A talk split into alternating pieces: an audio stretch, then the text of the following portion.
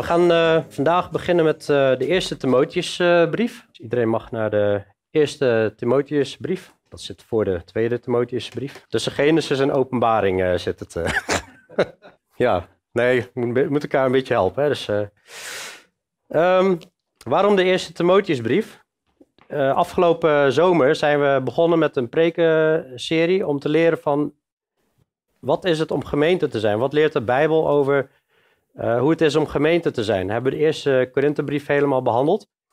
En ik heb toen al toegezegd, we gaan ook de eerste Timotheusbrief behandelen. Want dat heeft daar ook mee te maken. En Paulus die schrijft om uh, dingen recht te zetten in de gemeente en hoe je moet gedragen. En uh, er is dwaalleer binnengekomen. En ja, dus daar moet over gesproken worden. In 1 Timotheus 3, vers 14 en 15 zegt Paulus: Deze dingen schrijf ik u, zodat je moet weten eh, zodat je weet uh, hoe je moet gedragen in het huis van God, mocht ik langer wegblijven. En dat is de gemeente, het huis van God, dat is de gemeente van de levende God, zeil en fundament van de waarheid.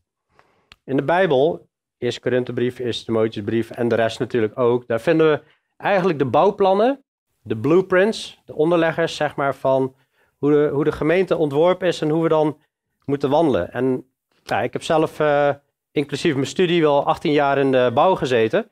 We hebben hier nog een bouwkundige in uh, het midden, toch? Zeg goed, hè? Ja, Bart. Maar in ieder geval, uh, ja, dat de bouwplannen, dat die kloppen, dat is enorm belangrijk. Heb je verkeerde bouwplannen, dan kun je ernstige bouwfouten maken. En dan kan het zijn dat je op de bouw zaken moet afbreken. En of, of het stort in. We hebben gezien de parkeergarage bij Eindhoven Airport is ingestort. met enorm geluk dat er geen mensen omgekomen zijn. Maar de schade is enorm. Miljoenen euro's schade. Maar zo is het ook als wij niet het goede bouwplan hebben, als wij niet op de juiste manier bouwen aan de gemeente en in ons persoonlijk leven, dat levert enorme schade op. In de wereld om ons heen, in huwelijken, in relaties, in de gemeente. En er is natuurlijk iemand die erop uit is om alles kapot te maken, om alleen maar bouwfouten in te brengen. En daar gaat eigenlijk de eerste Timotheusbrief onder andere over. En het zet weer centraal waar het wel om hoort te gaan. Voordat we het gaan lezen, wil ik heel even kort een, een, een achtergrondinformatie, of achtergrondinformatie geven. Even de setting neerzetten van waar, waar speelt, uh, wat speelt zich hier af op het moment dat Paulus een brief schrijft. Normaal als je een brief schrijft, dan heb je een aanleiding om een brief te schrijven. En dat heeft hij ook. In vers 3 lezen we uh, dat, dat Paulus uh, tegen Timotheus zegt dat Timotheus in Efeze moeten blijven om sommigen te bevelen geen andere leer te onderwijzen. Onno heeft recentelijk uh, vorige maand een preek gegeven over Timotheus, wie de persoon was. We, hebben, we zijn helemaal in zijn huid gekropen om, om, om te beseffen wat, wat voor man was dat. Was iemand die volledig voor de Heer ging. Die zomaar hè, ze, ze, de plek waar hij was opgegroeid achterliet, met Paulus meeging, mee op reis. En hij is uh, zo'n 10 tot 15 jaar met hem meegeweest op reis. Ik zet die, die, data erbij, want dat, dat, is belangrijk om te, om, om te zien hoe op een gegeven moment de Efeze gemeente gestart wordt. Maar we zien ook hoe snel het verval plaats kan vinden. Rond 52, 57 heeft Paulus in Efeze gezeten. Hij heeft daar die kerk gestart, heeft enorm veel wonderen gedaan. Er zijn grote boekverbrandingen geweest, omgerekend wel 5 miljoen eh, euro aan waarde aan boeken. Uh, wat daar verbrand is, uh, mensen die stopten met afgoderij. En hij heeft twee jaar onderwijs gegeven in een, in een school, de school van Tyrannus. En uh, ja, vanuit daar, dus eigenlijk in heel Azië, is, is het woord verkondigd vanuit, uh, vanuit Efeze. En dus toen zijn er meer kerken gestart uiteindelijk. Nou, dan gaat Paulus op een gegeven moment verder uh, op reis, helemaal naar Griekenland. En dan komt dan terug en dan in Mileten lezen we in Handelingen 20. Daar laat Paulus weer eens een keer de ouderlingen van Efeze bij zich halen. Er zijn inmiddels ouderlingen ontstaan. Hij haalt ze bij zich en hij, hij profiteert tegen hen. Hij zegt, ja, ik heb jullie het hele raadsbesluit van God verkondigd. Ik heb jullie alles geleerd wat je moet weten. En nu is de taak aan jullie. Maar weet dit, dat na mijn vertrek zullen er vrede wolven vanuit het midden van jullie opstaan, maar ook die zullen binnensluipen en die zullen de kudde niet sparen. Nou, dat zijn uh, fijne, bemoedigende berichten, maar aan hun de taak om daar iets aan te gaan doen. Nou, dan zie je in 62, dan schrijft Paulus nog uh, een brief aan de Efeze gemeente. En die is nog heel erg bemoedigend. Lijkt nog niks aan de hand te zijn. Het gaat heel erg over de identiteit in Christus en uh, alle zegeningen in de hemelse gewesten. En dan in 64 uh, na uh, Christus, om en nabij, dan wordt die eerste Timotheusbrief geschreven, die wij nu voor ons hebben. En dan zijn die dwaalleraren zijn al binnengeslopen. En dan moet er dus een en ander rechtgezet worden. De, de, brief gaat over, over dwaalleer, over gedrag in de gemeente, over uh, ouderlingen moeten aangesteld gaan worden. Die moeten die taak gaan overnemen. En dat de kern van het geloof is liefde, wat voortkomt uit een rein hart, een goed geweten en een ongeveinsd geloof. Maar velen zijn ervan afgeweken, houden zich met van alles bezig. Dan zie je in uh, 64, uh, 64 à 67, wordt de tweede Timotheusbrief geschreven. En dan zegt Paulus al dat alle in Azië hebben Paulus verlaten, zegt hij tegen Timotheus. Azië is dit hele gebied. Ofwel, het gaat niet helemaal goed met de gemeentes. en dan in uh, 64, 68, net, net nadat Paulus die tweede Timotheusbrief geschreven heeft, of rond die tijd, uh, of Timotheus die, die, uh, Paulus die Timotheusbrief geschreven dan zien we ook de brieven van Petrus. En Petrus die schrijft aan al die provincies. Zie je gewoon in de eerste brief van Petrus, eerste vers of tweede vers, er staan al die provincies in Turkije genoemd. alsof hij zoiets heeft, jongens, ik ga nu nog eens erbovenop jullie waarschuwen. En de eerste brief is wel, het gaat echt over heiligheid, wees heilig, want ik ben heilig, zegt God, zeg maar. En, uh, maar de tweede brief, die, die is echt hard. Die, daar gaat hij keihard waarschuwen over uh, valse leraren. En luister naar Paulus' brieven, sommigen hebben het verdraaid. En hij spreekt woorden als van, uh, dit, dit zijn mensen met hoogdravende woorden vol onzin. Het zijn uh, bronnen zonder inhoud. Hè? Als jij bij een bron water komt, dan verwacht je dat er water is en niet dat, dat er niks in zit. wolken die, die door wervelwinden heen en weer gestuurd worden, zeg maar. Zo noemt hij die mensen. Dat is echt harde taal. En God geeft altijd tijd om te bekeren. En in 94 uh, na Christus, dat is ongeveer 30 jaar na die brieven van uh, Petrus, dan verschijnt Jezus hoogstpersoonlijk zelf aan Johannes op Patmos. En en hij, hij, schrijft aan die zeven gemeenten in Azië. En vijf daarvan worden vermaand, zwaar vermaand. E, onder andere Efeze. Aan de ene kant hebben ze wel ergens opgelet, ze hebben valse apostelen herkend en, en verkeerde leer. Ze doen wel goede werken. Maar ze hebben de eerste liefde verlaten. Alsof ze ja, misschien een instituut zijn geworden of zo op de leer waren, maar de liefde weer vergaten. En zo zie je continu in de Bijbel, we moeten 100% in liefde wandelen. Naar God en naar mens, maar ook 100% in waarheid. Dat is wat, wat het woord oproept. Maar het is wel bizar om, om dus te zien. In 52 à 57 wordt dus die gemeente geplant. En in 64 is die gemeente al vol met dwaalleer. En dus laten we zeggen, ja, zeven tot tien jaar later hè, zitten ze al in, in de problemen. En dat vind ik een, een, een grote les en waarschuwing, ook voor ons. We beginnen met een frisse gemeente, we willen woord voor woord, uh, vers voor vers uh, door uh, het woord gaan en, en echt graag aan de waarheid houden en in liefde. Maar er zullen momenten komen dat de mensen zullen zijn, of misschien ik, hou mij maar wakker, dat we denken, ja, iets anders is misschien ook wel leuk of interessant. En zo, zo gaat het vaak mis. Laten we beginnen met het uh, stukje te lezen. Uh, we behandelen vandaag tot en met uh, vers 11. Paulus, een apostel van Jezus Christus, overeenkomstig het bevel van God, onze zaligmaker. En van de Heer Jezus Christus, onze hoop. Aan Timotheus, mijn oprechte zoon in het geloof. Genade, Barmhartigheid en vrede zij u van God onze Vader en van Christus Jezus onze Heer. Ik herinner u eraan hoe ik u, toen ik naar Macedonië reisde, ertoe opgeroepen heb in Efeze te blijven, om sommigen te bevelen geen andere leer te onderwijzen. Zich ook niet bezig te houden met verzinsels en eindeloze geslachtsregisters, die meer twistgesprekken opleveren dan door God gewerkte opbouw in het geloof. Het einddoel nu van het geloof is liefde, die voortkomt uit een rein hart, een goed geweten en een ongeveinsd geloof. Sommigen zijn daarvan afgeweken en hebben zich gewend tot zinloos gepraat. Ze willen leraars van de wet zijn en hebben geen inzicht in wat zij zeggen en evenmin in wat zij zo sterk benadrukken. Maar wij weten dat de wet goed is als men die wetten gebruikt. En als men dit weet, dat de wet niet bestemd is voor de rechtvaardigen, maar voor wettelozen en voor opstandigen, goddelozen en zondaars, onheiligen en onreinen, voor hen die vader of moeder vermoorden, voor doodslagers, voor ontuchtplegers, voor mannen die met mannen slapen, voor mensenhandelaars, leugenaars, mijn edige en als er iets anders tegen de gezonde leer is, overeenkomstig het evangelie van de heerlijkheid van de zalige God, dat mij toevertrouwd is. Paulus die uh, begint uh, de brief met te zeggen en dat hij een, een apostel is van Jezus Christus. Nou ja, Timotheus weet dat natuurlijk al wel. Maar hij benadrukt weer van ja, ik ben een gezondene, ik ben, een apostel betekent een gezonde, ik ben een gezondene van Jezus Christus.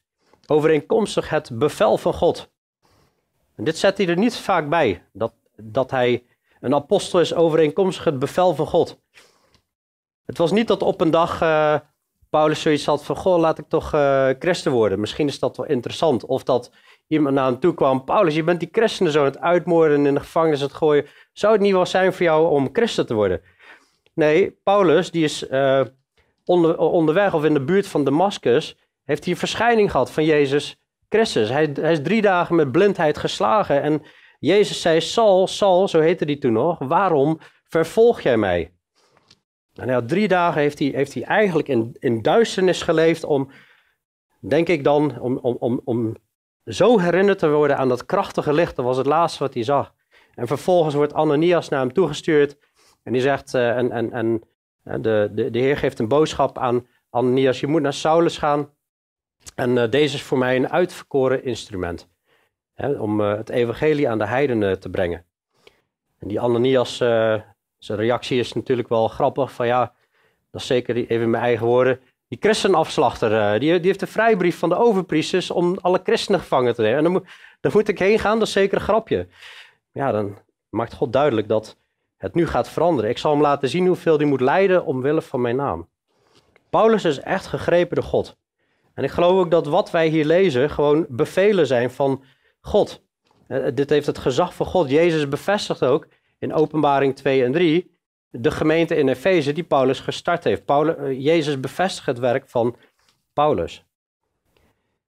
Is overeenkomstig het bevel van God. We hebben het hier over God de Vader, onze zaligmaker. Maar het bevel is ook van de Heer Jezus Christus, onze hoop. En dat is zo mooi dat hier heel vaak zie je Jezus als de redder of als de zaligmaker. Hier wordt gesproken over de Vader als de zaligmaker. En vaak wordt dat over het hoofd gezien. Als wij denken aan wat Jezus heeft geleden aan het kruis, terwijl Jezus heeft geleden aan het kruis, was het de Vader, en we lezen ook, al zo lief heeft God, dat is de Vader, de wereld gehad, dat hij zijn enige geboren zoon heeft opgeofferd. Toen Jezus daar hing aan het kruis, was het de Vader die groot verdriet had. De Vader die afstand moest nemen van zijn zoon, en zijn zoon nam alle zonden op zich. De Vader is ook de zaligmaker. Drie uur was het diepe duisternis op de aarde, terwijl Jezus aan het kruis hing. Alsof God gewoon zijn licht niet meer liet schijnen. Het is een bevel van God, onze zaligmaker, en van de Heer Jezus Christus. Dat Paulus geroepen is. En Jezus Christus is onze hoop. We hebben gelezen en bestudeerd in 1 Corinthië 15. Hij is de opstanding. En, en, en, of hij is opgestaan en wij zullen met hem opstaan. Eh, Jezus heeft gezegd, ik ben de opstanding en het leven. Eh, ik ben de weg, de waarheid en het leven. Niemand komt tot de Vader dan door mij. Jezus is de hoop voor ons. En waar we naar uitkijken, zoals ook we gebeden hebben vanmorgen.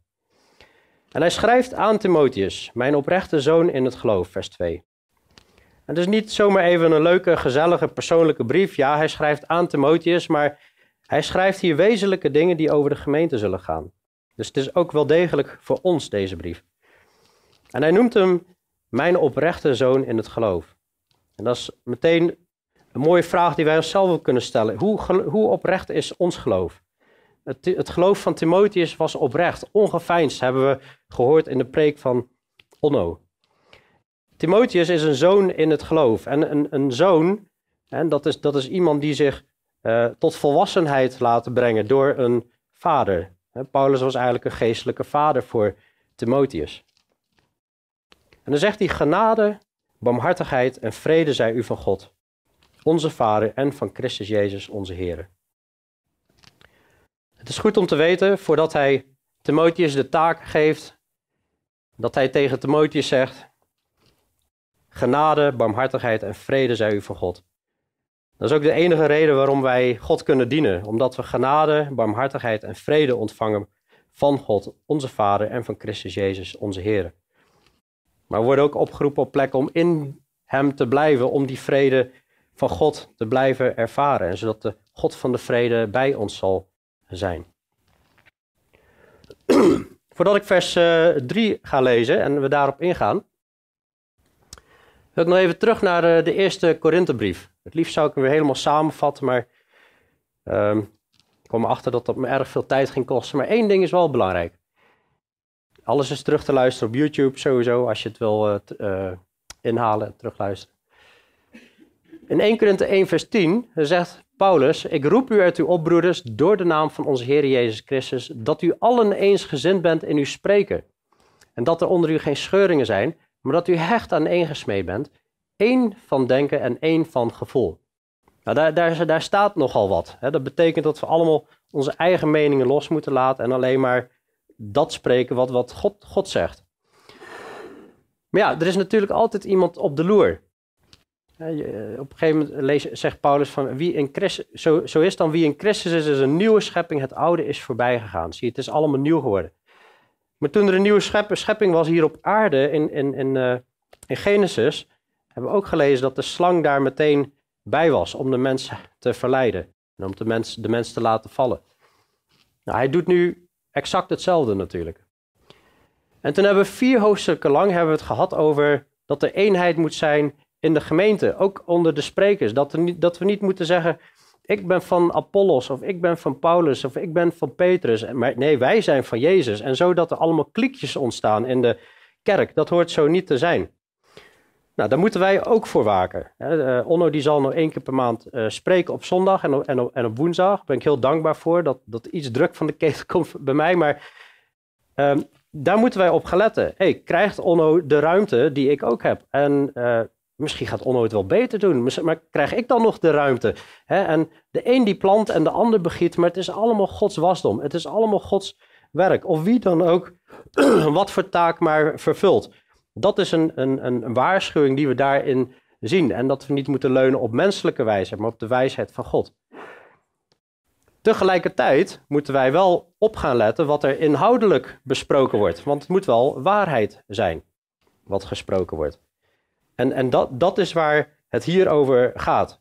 Als mensen andere leerlingen gaan onderwijzen, dan moeten we zeggen: hé, hey, dit klopt niet. Dan moeten we vragen gaan stellen. Dan moeten we gaan, gaan kijken van: hé, hey, wat moeten we hier doen? Jezus heeft een, een opdracht gegeven. Ziet er misschien ja, een beetje humoristisch uit, maar het, het is bloedserieus. Um, en God heeft ons een bevel gegeven, een, een, een gebod, dat we valse leraren moeten uh, blootstellen. Die moeten we ontmantelen. Die moeten we uh, gaan herkennen. Nou, we zien hier een, uh, een zogenaamd schaap, een welvaartsprediker. Vrede zij met jullie, God zal jullie welvaart geven. Nou, dat is niet wat de Bijbel leert. Jezus heeft gezegd: Wees op uw hoede voor valse profeten. Die komen, jullie naartoe, die komen naar jullie toe in schapenvacht, uh, schapenvacht maar van binnen zijn het roofzuchtige wolven. Is een opdracht om op je hoede te zijn. Het is een opdracht om de vrucht, uh, aan, de, vrucht zul je de boom herkennen. Het is een opdracht om de vruchten te onderzoeken. Um, hè, om, om, om zeker te weten, hey, die spreekt de waarheid of die spreekt niet de waarheid. Er zullen veel valse profeten opstaan, heeft Jezus gezegd, en die zullen velen misleiden. En dat is wat we hier in de praktijk zien.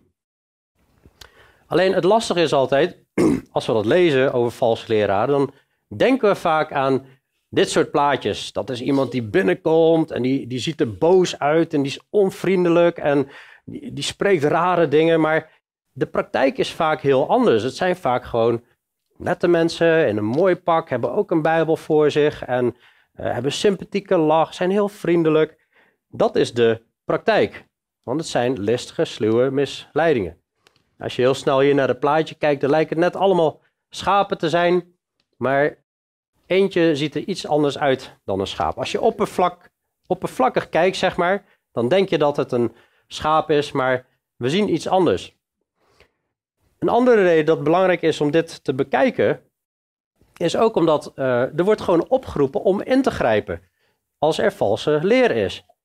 Maar als, als er niet onderwezen is in de gemeente dat daarop ingegrepen moet worden en iemand grijpt erop in die zegt, oh pas op, pas op, dit is gevaar, heb je heel snel de kans dat mensen zeggen, ach, doe niet zo moeilijk jongen, waar is de liefde, weet je wel, en dan hop, weg ermee met die lastpost. Nou, dat kan een ouderling zijn, maar dat kunnen ook mensen in de gemeente zijn. Eh, stel dat ik verkeerde dingen ga verkondigen, iemand waarschuwt en we zeggen weg ermee met die gasten. Ja, dat, dat, dat kan gebeuren. Maar dit zijn geen grapjes, die plaatjes zien er wel grappig uit, maar dit is gewoon echt realiteit. Dit is schering en inslag. Dit is continu gaande in allerlei gemeentes over de hele wereld, door alle eeuwen heen. Het was meteen in het begin al, toen Paulus nog leefde. En dan zegt hij tegen Timotheus: Ik herinner u eraan hoe ik u toen ik naar Macedonië reisde, dat is het noorden van Griekenland, ertoe opgeroepen heb in Efeze te blijven, om sommigen te bevelen geen andere leer te onderwijzen. Namens het bevel van God beveelt Paulus Timotheus om anderen te leren, te bevelen om geen andere leer te onderwijzen. Toen ik dit aan bestuderen was, kwam ik erachter dat het, woord bevelen hier in de grondtekst een, een, een woord is wat in de, in militaire wereld gebruikt wordt. dat is een, een, een stevig bevel wat gegeven wordt. Dit is niet iets van ga naar ze toe, probeer ze te begrijpen, laten we in gesprek gaan met elkaar. En als je in gesprek bent, gaan met elkaar, uh, ja, let's agree to disagree. laten we dan uh, het eens zijn om het oneens te zijn. Dat is wat je tegenwoordig vaak hoort, want dan ga je liefdevol met elkaar om. Natuurlijk moet je geduldig en zachtmoedig en liefdevol mensen benaderen. Maar tegen Titus, dat is net zo'n man als Timotheus, zegt Paulus op een gegeven moment: Wij zijn kettersmens. Een ketter is iemand die tegen de gezonde leer in uh, predikt en verkondigt. Wijs een kettersmens één of twee keer terecht en daar, heb daarna niks meer met hem van doen. Weet dat zo iemand al het oordeel in zich draagt. Hè? Dat is uh, Titus 3, vers 10 en 11. Dus dat is best wel serieuze taal. Daar moeten we echt wel serieus mee omgaan. En ik vind het ook best wel lastig, want deze taak is uiteindelijk aan ouderlingen gegeven om de gemeente zo te bewaken. Maar het zijn echt geen leuke dingen om te doen. Ik vind het veel leuker om gezellig in een vuurhut te zitten en elkaar lekker te bemoedigen en zo. Maar zulke dingen krijg je gewoon mee, mee te maken, helaas. Want Satan is continu actief. Die probeert continu te misleiden. Hij moet ook bevelen, in vers 4, zich ook niet bezig te houden met verzinsels en eindeloze geslachtsregisters, die meer twistgesprekken opleveren dan de godgewerkte opbouw in het geloof.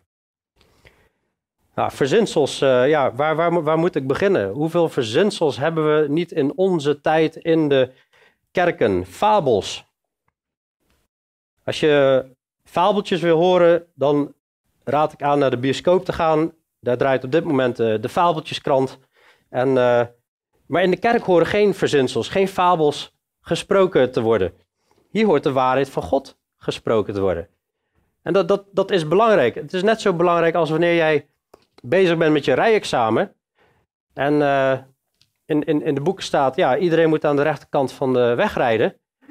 En dat iemand een boek uitbrengt, zegt, ja, maar een beetje flauw, hè? altijd maar aan de rechterkant uh, van de weg uh, rijden.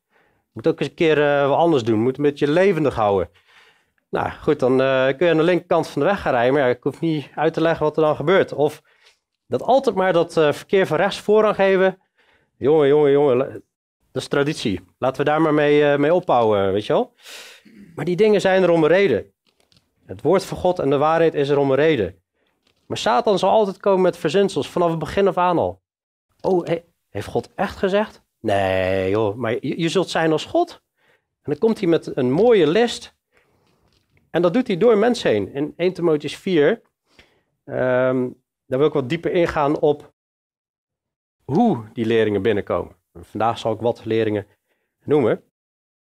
Maar het is, het is listig, het komt op een listige wijze binnen. Verzinsels, eindeloze geslachtsregisters, nou, dat zien we misschien nu niet, maar hij noemt gewoon voorbeelden. Eh, elke brief zijn het weer andere voorbeelden. En misschien waren het toen mensen die het heel belangrijk vonden. Ben je nou van de stam van Levi of ben je van de stam van Juda? En hadden ze misschien meer status. Mormonen die doen dat ook, houden ze ook bezig met eindeloze geslachtsregisters. Die meer twistgesprekken opleveren dan de God gewerkte opbouw in het geloof.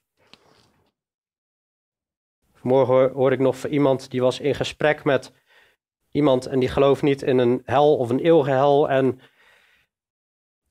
kun je eindeloos over twisten, maar als iemand gewoon niet de waarheid wil aannemen, dan, dan, dan houdt het een beetje op. En kun je leuk, lekker filosoferen en discussiëren over allerlei onderwerpen, maar de hartsgesteldheid moet goed zijn. Wil iemand de waarheid volgen? Die wekken, wekken meer twistgesprek op dan door God gewerkte opbouw in het geloof. Het hele idee van de gemeente is door, om elkaar op te bouwen in geloof. En dan zegt hij in vers 5, het, het einddoel nu van het gebod is liefde. Dat heeft Jezus ook al geleerd. Hè?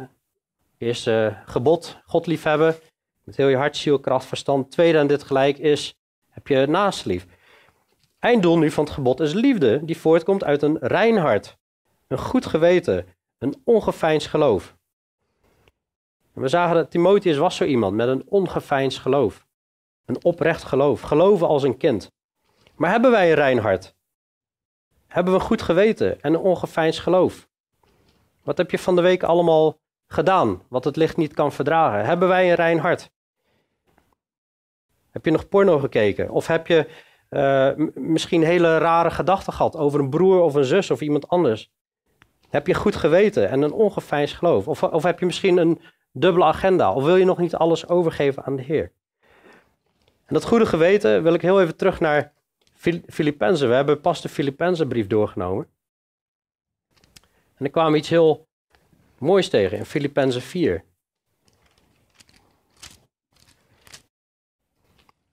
Er staat in Filippenzen 4, vers 8 en 9, wat we allemaal moeten bedenken. Wat we in ons geweten, in onze gedachten moeten hebben. Verder, broeders, al wat waar is. Dus we moeten beginnen met waarheid te spreken, het woord te spreken. Al wat eerbaar is, laat het eerbaar zijn. Bedenk eerbare dingen. Al wat rechtvaardig is, al wat rein is, al wat lieflijk is, al wat welluidend is, wat, wat aangenaam klinkt. Als er enige deugd is en als er iets prijzenswaardig is, bedenk dat. Daar moeten we continu mee bezig zijn in onze gedachten, onze gedachten sturen. En wat tegen uh, Christus ingaat, moeten we in gevangenschap nemen aan gehoorzaamheid en Christus. En de, hij zegt, wat u ook geleerd en ontvangen en gehoord en in mij gezien hebt, doe dat. En de God van de vrede zal met u zijn. En zo blijft de God van de vrede bij ons. Als we al die dingen bedenken en wandelen vanuit een rein hart, een goed geweten en een geloof. Maar de vijand zal continu mensen en dingen en interessante andere zaken op ons pad brengen om daarvan af te leiden. Dus vers 6 zegt hij dat sommigen zijn daarvan afgeweken en hebben zich gewend tot zinloos gepraat. Een paar weken terug, ik werd benaderd door een, uh, een man via WhatsApp. En die man was, uh, even goed denken wat hij ook weer allemaal was. CEO apostel, senior pastor. Nou, en dan kwam zijn naam er nog achteraan. En uh, ja, ik, ik adviseer 4500 uh, voorgangers en uh, hij zou graag willen komen spreken bij ons. En hij wil graag leren dat er geen demonen en ziektes actief zijn in, de, in het lichaam van Christus. Nou, ik heb hem een bericht teruggestuurd dat hij zelf bevrijd moet worden. Omdat in 2 Korinthe 11 heel duidelijk staat dat Satan heeft zijn handlangers en Satan zal zich veranderen in een engel van licht en zijn handlangers ook. Die zullen zich voordoen als dienaren van gerechtigheid. Paulus zegt zelf tegen Timotheus, neem een beetje wijn voor al je kwalen. En moeten ze ziek achterlaten. Niet iedereen geneest. Flauwekul was dat, hè? zinloos gepraat was dat. Of je hebt de word faith movement, de woorden hebben kracht movement. Je moet geloven in de woorden. Of uh, name it en claim it. Als jij het benoemt en je, en je claimt het en je, en je gelooft, dan zal het je gebeuren. Dat is die welvaartsevangelie. Je hebt natuurlijk, in, in, als je in, in dwaalleer denkt, je hebt, je hebt eigenlijk de hele grote dwaalleringen, zeg maar. Het is allemaal groot, maar als je aan dwaalleer denkt, dan denk je misschien uh, eerder aan de, de islam, of de Jehovah-getuigen, of de mormonen, of uh, misschien de Rooms-Katholieken kerk. En bij die allemaal zie je dat, dat ze, ja, je moet geloven, maar het is ook plus je werken, dat zal jou redden, zeg maar. En dat gaat allemaal tegen de Bijbel in. Of ze twijfelen aan de persoon Christus, wie hij is. Ze verloochenen de zoon of de vader en de vader. Ehm, dat is de geest van de antichrist. Die herkennen we vaak wel duidelijk. Hè? Van, oh, dan zie je al vrij snel in de standpunten, daar moet je niet zijn. Maar binnen een evangelische wereld, daar is ook ontzettend veel mis. Niet overal, maar op veel plekken wel. Omdat mensen heel snel dingen zomaar aannemen van anderen en het niet checken. Of ze zeggen, ja, maar ik heb het goed onderzocht. Maar hoe heeft iemand iets onderzocht? Zinloos gepraat binnen de evangelische kerk. Nou, van de week hebben we van alles gezien op, op de tv. En dan, dan lees je dat in Amerika al 50% van de evangelical Christians uh, homoseksualiteit uh, accepteren. Hoe kan dat toch als Gods woord zo duidelijk is? Hoe kan het? Hoe bestaat het? Dat is echt zinloos gepraat. God heeft daar gewoon iets over gezegd. En, en we mogen absoluut van die mensen houden. Maar God heeft echt wel iets gezegd over, over zonden. en daar, uh, moeten we allemaal mee afrekenen. Iedereen heeft zo zijn battles en struggles. Tegenwoordig hoor je veel, je moet inspirerend spreken. Je moet inspirerende sprekers moet je uitnodigen. want anders hou je de mensen niet in de kerk. Dat is helemaal niet wat de Bijbel leert. Timotheus, predik het woord, gelegen of ongelegen. Eh, er zal een tijd komen, dan kunnen ze de gezonde leer niet verdragen. Ze zullen leraren uitkiezen die hun gehoor strelen. Hoeveel mensen kom je niet tegen? Je moet echt eens meegaan met evangeliseren. Hoeveel christenen we wel niet tegenkomen die de Bijbel niet letterlijk nemen. Of het ene stukje wel en het andere stukje niet. Je zult echt versteld staan. Of het herdefiniëren van termen. Dat zegt Paulus zelf al in 2 Korinthe 11. Dat mensen een andere Jezus zullen prediken, een ander evangelie en een andere geest. Ze spreken over Jezus, ze spreken over het evangelie, ze spreken over de geest. Maar je moet heel duidelijk in de gaten hebben, wat bedoelt iemand met die woorden? Onno en ik kwamen een keer met evangeliseren mormoon tegen. En na een paar minuten hadden, ik had hem al een huk gegeven. Broeder, gaaf, weet je wel. En toen spraken we door en, en, en toen kwam je erachter dat zijn definities totaal anders waren voor al die termen die wij ook gebruikten. En dat, toen kwamen we er pas achter dat hij van de, hoe heet het ook alweer? De gemeente van Jezus Christus van de Heilige van de Laatste Dagen is. ik kan maar mijn naam bedenken, maar Misschien uh, gooien ze wel mooie Griekse woorden in de strijd. En, en, laten ze denken hoe geleerd ze zijn. Ik heb zelf ook twee jaar Grieks gehad op, op, op school. Maar wat, wat heb ik eraan om dat allemaal hier te gaan gooien? Klink ik dan interessant? Is het dan meer of minder waar? Dit is wat we moeten bekijken en wat, en wat waar is. Valse leer kan ook zijn dat mensen gewoon in, in oude traditionele systemen, instituten blijven hangen. en gewoon eigenlijk uh, de liefde zijn verlaten en maar de dingen doen omdat het altijd zo gedaan is. Nou, dan zie je heel veel mensen daar, die daar weer van, van afzetten en, en dan gaan ze iets nieuws bedenken. En dan zeggen ja, het moet verfrissend en levendig zijn. Maar eigenlijk worden vaak weer nieuwe, moderne tradities opgestart die eigenlijk net zo problematisch zijn als die oude tradities, waar het woord van God niet centraal staat. Laten we het laagdrempelig doen. Zie je tegenwoordig, dat is echt een hype. Laten we het laagdrempelig doen, want ja, je zou toch maar woorden spreken die, die aanstootgevend zijn. Maar het woord is gewoon aanstootgevend. Het is levend en krachtig en scherper dan enig tweesnijdend zwaard. En dat is wat de ziel bekeert. Wetticisme, daar heeft hij het zo ook over. Mensen die de oude wet weer erbij willen houden.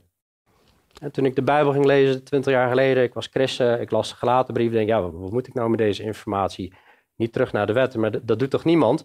Dat, dat was vroeger toen, toen het, het jodendom overging in het, in het christendom. En, ineens nu, de laatste vijf jaar, het is weer een hype. Terug naar de wet, terug naar de Joodse feesten. We moeten de Sabbat weer houden. En dan leerstellig. Dan zegt Paulus gewoon, oh dwaze gelaten, wie heeft u betoverd? Orenkietelaars zullen erop staan. Valse aanbidding, wat gepresenteerd wordt. Het moet gaan om de rookmachines of om de lichtflitsen en handen in de lucht. Wat, ik geloof niet dat er iets mis mee is, maar als het alleen als dit voor jou aanbidding is, op, op zondagmorgen sta je mooie liederen te zingen. God zegt in, in, in Amel, tegen, tegen Amos, er waren ook mensen in die tijd, die lieten recht en gerechtigheid niet vloeien als een rivier. Haal je geluiden maar weg van me. Jullie getokkel, ik, echt, ik walg ervan, van jullie liederen. Je hebt ook de charismatische beweging. is wereldwijd erg groot geworden. Waar uh, men uh, claimt, uh, je moet wonderen doen of je moet in talen spreken. Je moet dit en we moeten erop uitgaan om te genezen. We moeten erop uitgaan om doden op te wekken. Allerlei varianten heb je daarvan. Maar is dat de opdracht van Jezus? De opdracht van Jezus aan de twaalf om zieken te genezen en doden op te wekken, dat was één moment en moesten ze alleen maar naar Israël gaan. Dus als je de opdracht pakt, dan moet je hem ook helemaal oppakken. Maar Jezus heeft op het eind van zijn bediening gezegd, verkondig het evangelie en dan moet aan de hele wereld. En leer ze dan onderhouden alles wat ik u geboden heb. Ook doop in de naam van de Vader, Zoon Heilige Geest. Maar charismatische beweging, daar zitten hele gevaarlijke elementen in. ook waar, waar, waar mensen vallen in die zalen. Door welke geest vallen ze? Of mensen vallen in de geest. Waar, waar heeft Jezus dat geleerd? Waar doet hij het voor? Waar doen de apostelen? Waar leren de apostelen dat? Die leren dat niet. Als het niet geleerd wordt in de Bijbel, uit welke bron komt het dan? Of massaal in zalen spreken in tongen, spreken in talen. We hebben in 1 Korinthe 12 tot 14 hebben we vier, vijf weken over gehad. Over hoe dat eraan toe moet gaan. Als er iemand in een taal spreekt, dan moet er een uitlegger bij zijn. En ze moeten om de beurt spreken, niet met z'n allen door elkaar. Dan zegt Paulus, dan komen er mensen binnen en die denken, wat, wat is dit voor waanzin? Dan zegt Paulus zelf. En je ziet het gewoon in kerken. En zo kun je echt doorgaan. Lees Jeremia 23. Het was honderden jaren voor Christus. Was het al gaande. Valse profeten. Luister niet naar hun gezwets. Dat is God zelf, hè? Luister niet naar hun gezwets. Ik heb die mensen niet gezonden. Ze, ze bedenken dromen die uit hun, eigen hart, uit hun eigen hart komen. Het Oude Testament leert ook hoe je valse apostelen kan onderscheiden. Jezus zelf hard geweest naar de, de fariseeën en de valse leraren in die tijd. In Matthäus 23 heeft harde taal uitgesproken. Ik sta hier even wat langer bij stil, maar sommigen zijn daarvan afgeweken, zegt hij in vers 6, en hebben zich gewend tot zinloos gepraat. Ze willen leraars van de wet zijn van het woord van God en hebben geen inzicht in wat zij zeggen en evenmin wat zij zo sterk benadrukken. Jaren geleden kwam ik erachter, Jantje zegt dit en Pietje zegt dit en dan komt er weer een ander die zegt nog weer wat anders. Ik was er moe van en ik, ik, ik heb gezegd vanaf nu, ik ga het woord van God onderzoeken. Ik heb op een gegeven moment een gast gehad, die, we zaten met mannen bij, bij elkaar en die zei op een gegeven moment, oh, als die Philip gaat uh, wandelen door de geest, dan gaan er echt uh, gave dingen gebeuren. Nou, dat klinkt heel even fijn om te horen, maar ik heb er slapeloze nacht van gehad. Want ik dacht, maar hoezo wandel ik niet door de geest dan? Uh, wat bedoelt hij nou eigenlijk? Dus ik ben toen die dagen erop, ik ben elk woord over de geest en heilige geest in het Nieuwe Testament op gaan zoeken. Om zelf te concluderen, wat leert de heilige geest? Of wat leert de Bijbel over de heilige geest? Om zo zelf erachter te komen of ik wel uh, door de geest wandel. En uiteindelijk was zijn definitie was anders dan de Bijbelse definitie van hoe je wandelt door de geest. In zijn beleving moest je wonderen en tekenen en van alles en nog wat gaan doen en dan wandel je door de geest. Maar elke keer als ik verschil van mening met iemand anders, en uh, ik wil niet pretenderen dat ik alles weet, maar ik doe wel mijn uiterste best om heel zorgvuldig tot in de puntjes uit te zoeken wat leert de Bijbel over een onderwerp. En als er over één bepaald onderwerp er 40 stukken over gaan, dan moet je ook die 40 stukken bestuderen en dan in harmonie met al die stukken een uitleg geven. Ga ik dan vervolgens op websites kijken of in gesprek met mensen die andere meningen hebben, wat zie je dan? Hebben ze misschien maar 10 of 15 of 20 gedeeltes geïsoleerd en daar trekken ze een conclusie uit. Dat is niet fair, dat is niet eerlijk. Maar dan zijn ze zo overtuigd, of misschien zeggen ze: Ik heb het bestudeerd en dit is wat de Bijbel leert. Maar hebben ze uh, een mooi verhaal gehoord op een conferentie, of zijn ze naar een mooie training geweest, of uh, ze hebben websites bekeken die daarover gaan en ze: Ik heb dat heel goed uitgezocht. Nee, dat heb je dan niet. Je moet het uitzoeken in het woord van God. Zij willen leraars van de wet zijn en hebben geen inzicht in wat zij zeggen. Ik vind het heel lastig om met iemand te praten die maar een deel selecteert en daar conclusies uit trekt, terwijl je ook wijst naar de andere gedeeltes. En dan gaan ze het vervolgens zo sterk benadrukken. En tegelijkertijd weten we ook, hè, dit Het kan zijn dat iemand lerend is en gewoon zegt van, oh, oh, dankjewel, had ik zo nog niet bekeken, nou, prijs de Heer. Maar het kan ook zijn dat iemand gewoon hardnekkig, volhardt en het blijkt dat hij gewoon een leer in wil brengen. En zo um, spreekt 1 Timotheus 4, Paulus spreekt over misleidende geest en leringen van demonen. Daar moeten we echt voor oppassen. Ze zullen sterk benadrukken.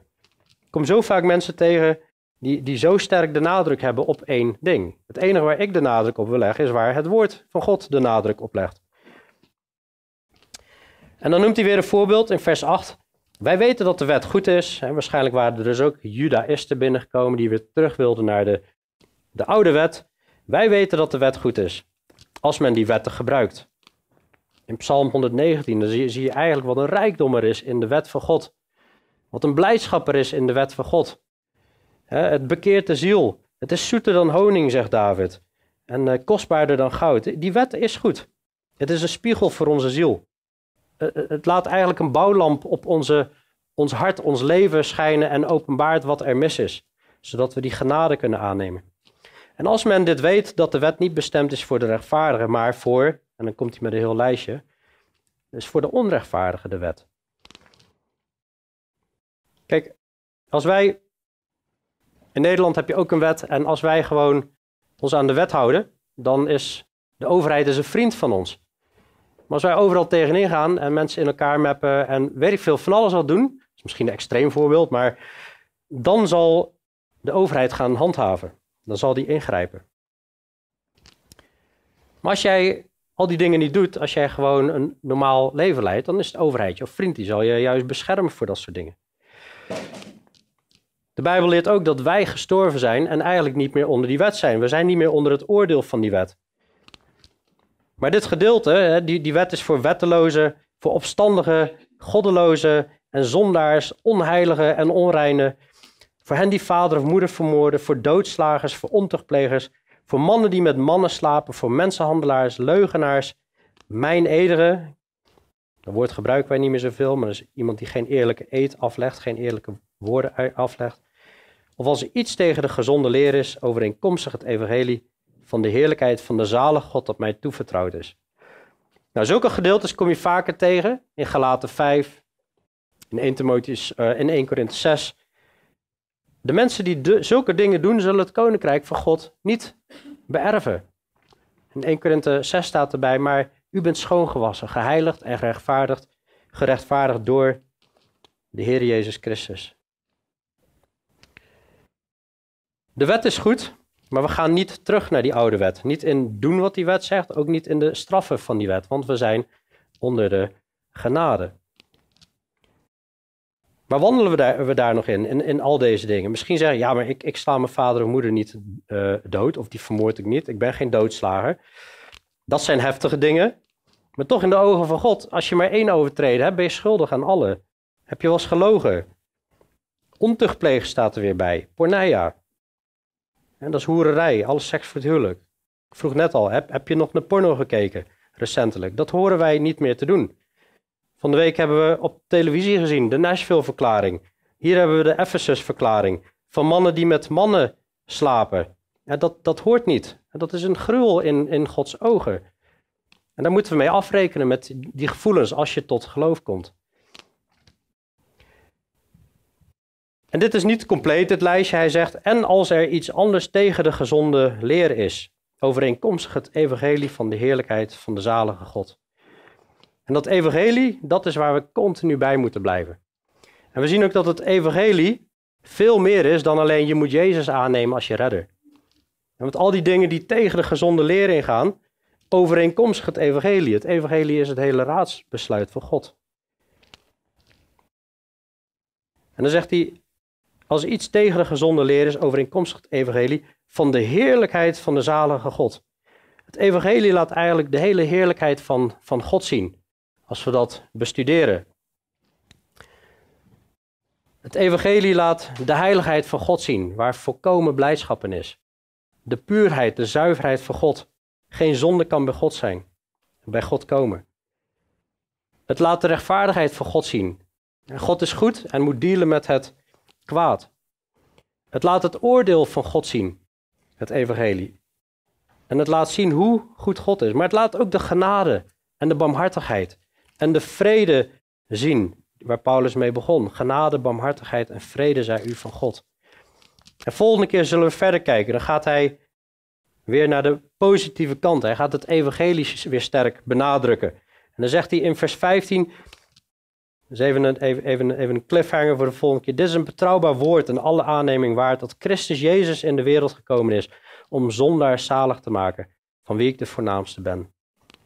En Paulus stelt zichzelf als een voorbeeld en het leidt alleen maar tot aanbidding als wij beseffen hoe groot het evangelie is en die, en die waarheid. In vers 17 zegt hij, de koning nu der eeuwen, de onvergankelijke, de onzichtbare, de alleenwijze God, zij eer en heerlijkheid in alle eeuwigheid. Amen. Zullen we gewoon uh, twee minuten nemen om gewoon ons hart te onderzoeken? Om te kijken van, zijn wij bereid om in heel de waarheid te wandelen? Wandelen wij in liefde? Wandelen wij in verdraagzaamheid, vergevingsgezindheid? Zoeken wij onze leer op YouTube of in boekjes? Of, of zoeken wij het hier in het woord van God, in, in, in de waarheid? Zullen we ons hart gewoon twee minuten onderzoeken? En dat de Heilige Geest tot ons mag spreken? Zal ik eindigen in gebed? Heer Jezus, dank u wel, Heer, voor uw woord, Heer. En soms zijn het preken waar we echt denken, oh wauw, en, en heel liefdevol en, en, en worden heel warm. En soms is het gewoon het zwaard wat valt, scherp, Heer. En ik wil u gewoon danken voor elk woord wat u geeft in, in, in de Bijbel, Heer, dat, dat het ons scherp mag houden. Heer, leid ons op de weg, Heer. En help ons ook om continu onze harten te bewaken. Bij alles wat we zien op tv, op YouTube, in boeken of, of, wat we bespreken met elkaar om scherp te zijn, Heer. En steeds uh, te zoeken naar die weg. Naar het einddoel van het gebod. Dat is liefde die voortkomt uit een rein hart, goed geweten en ongeveinsd geloof. Schenk ons dat, Heer, want wij kunnen het niet alleen. Die oude natuur is nog zo sterk aanwezig, Heer. Ik moet er ook elke dag mee battelen, Heer. Schenk mij de genade, schenk iedereen de genade om daarin te wandelen. Help ons, Heer, leid ons door uw Heilige Geest. Vervul ons en verkwik ons. En dank u voor dat evangelie wat, wat de heerlijkheid van God weerspiegelt. Dank u wel voor ja, uw perfectie die aan ons geopenbaard is. Help ons daarin te wandelen. In Jezus' naam. Amen.